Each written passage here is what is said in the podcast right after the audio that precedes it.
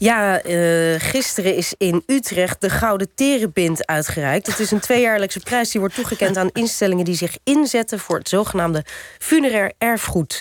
Funerair kenner, oftewel gewoon doodsexpert... Babs Bakels was erbij gisteren toen de winnaar bekend werd gemaakt. Goedemorgen. Goedemorgen. Was het een gezellige uitreiking?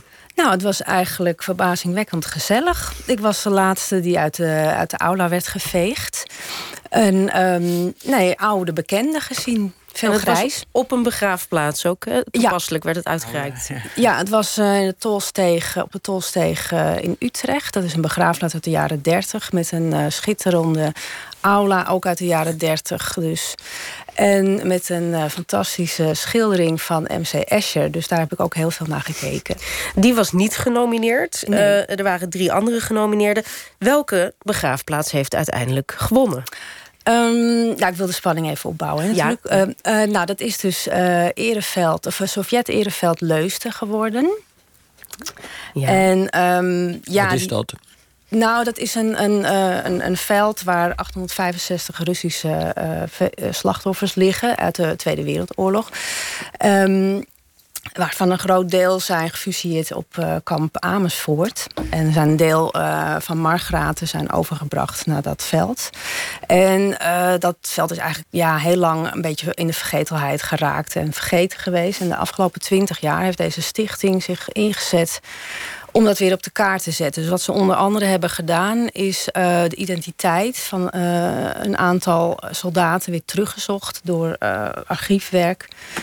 En um, uiteraard natuurlijk ook heel veel restauratiewerkzaamheden. Hè, dat spreekt voor zich. Maar dit vind ik wel een heel mooi punt. En dat vond de jury uiteindelijk ook. Maar dat ze dus uh, identiteit hebben teruggezocht. En ook um, de nabestaanden hebben teruggezocht en gevonden.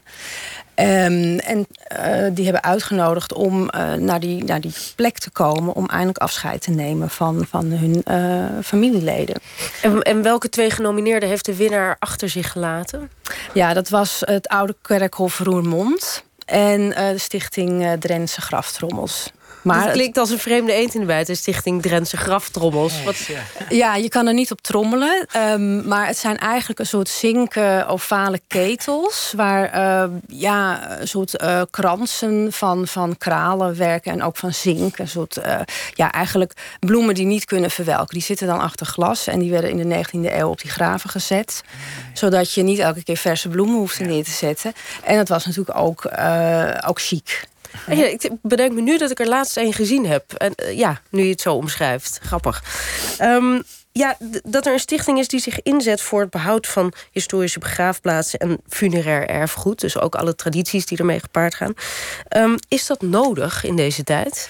Ja, dat is wel uh, heel erg nodig. En er is natuurlijk een bedreiging. En die bedreiging komt uit verschillende hoeken. Dus ik zal er een aantal uh, bespreken. De eerste dreiging komt van binnenuit. En dat is eigenlijk dat zijn kerkbesturen en gemeenten en begraafplaatsbeheerders die uh, zoiets hebben van, nou, wie de huur niet betaalt, die moet eruit. Um, en dan wordt zo'n graf geruimd en dan uh, verdwijnen er dus gezichtsbepalende monumenten van die historische plekken. Um, dus wat er gebeurt is dat er dan uh, in plaats van een, mooi mausoleum of een, een mooie grafstelen, uh, ja, van dat glimmende graniet wordt teruggeplaatst. Want die betalen dan wel. Dus uh, de Terenbind zet zich ook, ook heel erg in om dat bewustzijn te vergroten. En om ook te bemiddelen uh, tussen bijvoorbeeld gemeenten en begraafplaatsen en kerkbesturen. Sommige gemeenten maken het echt heel bond en die dreigen om gewoon een heel uh, begraafplaats te ruimen in een stadscentrum, omdat dat natuurlijk geld oplevert. Um, ja, en dan mobiliseren zij eigenlijk die, die, uh, die buurt. En uh, ja, dan wordt eigenlijk een soort protestactie opgezet. Maar een factor is ook dat mensen gewoon niet meer begraven willen worden. Oh toch? ja, dat was een hele grote bedreiging namelijk. Dat uh, cremeren ernstig in opmars is. ja, het is inmiddels 62 procent gemiddeld dan. Zo. Hoe zit het hier? Hebben jullie daar ideeën over? Of nog niet? De vraag is eigenlijk gewoon... Ja. Ik wil ook gecremeerd worden. Maar ik vind begraven mooier, maar, maar ik vind het eigenlijk ook idioot om nog te, begraven te worden. Want?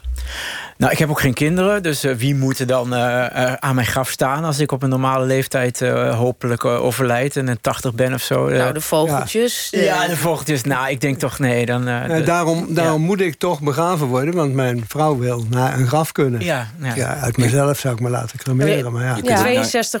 62% wil dus ja, wel gecremeerd worden uiteindelijk. Ja, dat, dat, hè, dat, die zorg voor die kinderen van oh, anders moeten ze naar dat graf. Hè, dat vindt men dus toch wel belastend. Ja, maar ja, op een gegeven moment. Je kunt toch ook naar een urntje toe lopen? Wat is het nou voor onzin? Het nou, ja, het punt, dat is een goed punt wat je aansnijdt. Kijk, sinds 1991 is er een wijziging uh, in de wet op lijkbezorging geweest. En dan mag de as mee naar huis.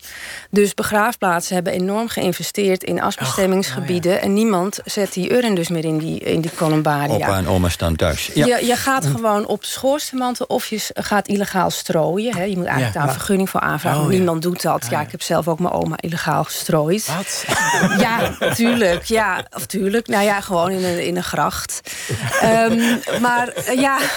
Klinkt idyllisch. Maar, het was heel idyllisch, ja. Maar is dit nou, om het even een rare stap te maken... de kerken staan leeg in Nederland. Er gaat bijna niemand meer naar de kerk, uitzonderingen daar gelaten.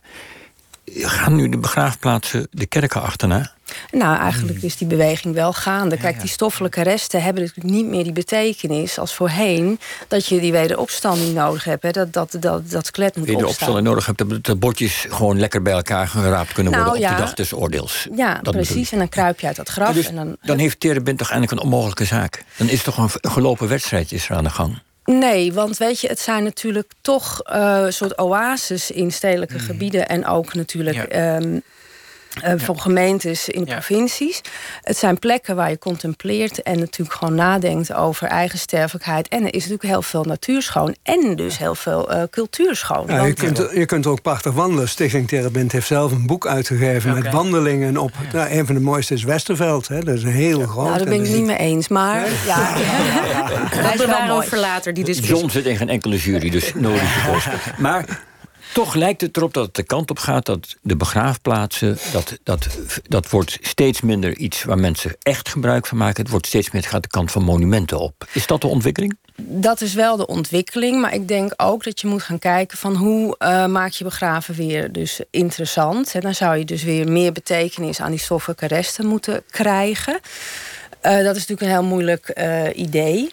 Dus er moet een marketingplan komen van begraven is weer hip. Ja, eigenlijk wel. Eigenlijk wel. En dat zou je dus kunnen doen door begraafplaats in eerste instantie ook weer uh, meer te betrekken in het land en leven. Want in de middeleeuwen waren kerkhoven um, ja, sociale ontmoetingsplaatsen. Daar gebeurde van alles. Daar werden voorstellingen gehouden. Uh, er werden marktjes georganiseerd. Er, leefden zelf, er woonden zelfs mensen... omdat uh, je op een kerkhof immuniteit genoot. Ah, ja. En omdat als, als dat kerkasiel, hè, dat werkte door op mhm. dat kerkhof.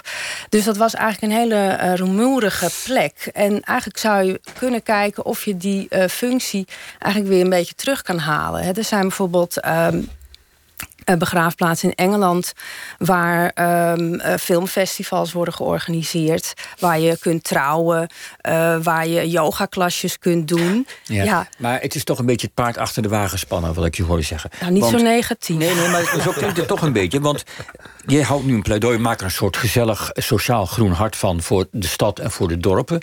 Maar de kern van het ding is natuurlijk toch dat willen mensen lichaam, dat dat lichaam een tijd lang bewaard blijven, ja of nee. Want dat is de keuze om te begraven uit christelijke gronden. En als die motivatie er niet is, kun je hoog en laag springen. Maar dan gaat het je gewoon niet lukken. Nou, ik denk dat er wel een paar oplossingen zouden zijn. Want dat natuurbegraven, dat is heel populair. Dat, dat verdubbelt ieder jaar. En uh, dat heeft met die graftermijn te maken. Mensen willen eeuwige grafrust. En dat heb je dus niet op traditionele begraafplaatsen. En daar zou je aan kunnen gaan sleutelen. Dat dat langer duurt. En stel dat je uh, als begraafplaats dan weer vol raakt... dat je dan inderdaad uh, gaat ruimen op een andere manier. Namelijk zoals dat nu gebeurt. Dus dat je bijvoorbeeld de knekelcryptus weer zou terugbrengen. Ja, ja ik zou de dat heel mooi... Ja, dat deden ze ook in de middeleeuwen. Dan als, dat, als die graven geruimd Want toen waren die begraven natuurlijk hartstikke vol. En dan werden die knoken, die werden dan mooi in een mooie galerij geplaatst, hè, zichtbaar. En dan kon je dus nog leuk bidden voor de ziel in het vagevuur. Nou, dat doen we dan nu niet, maar je kan een bot wel zien als een uh, plek van geestelijke samenkomst. Hè. Ja, en, en um, Ik zou daar wel voorstander van zijn. Wil jij zelf begraven worden? Nou, dat wil ik wel graag. Maar weet je, het punt is... Kijk, ik moet weten of ik nog geld over heb... om dus een lang graf te kunnen huren. Want het is ook gewoon duur. Het is duurder, ja. Maar ook als je in zo'n algemeen graf komt... dan word je na tien jaar geruimd. Ja, dat is gewoon geen prettig idee. Nee. Babs Bakels, hartelijk dank voor je komst. En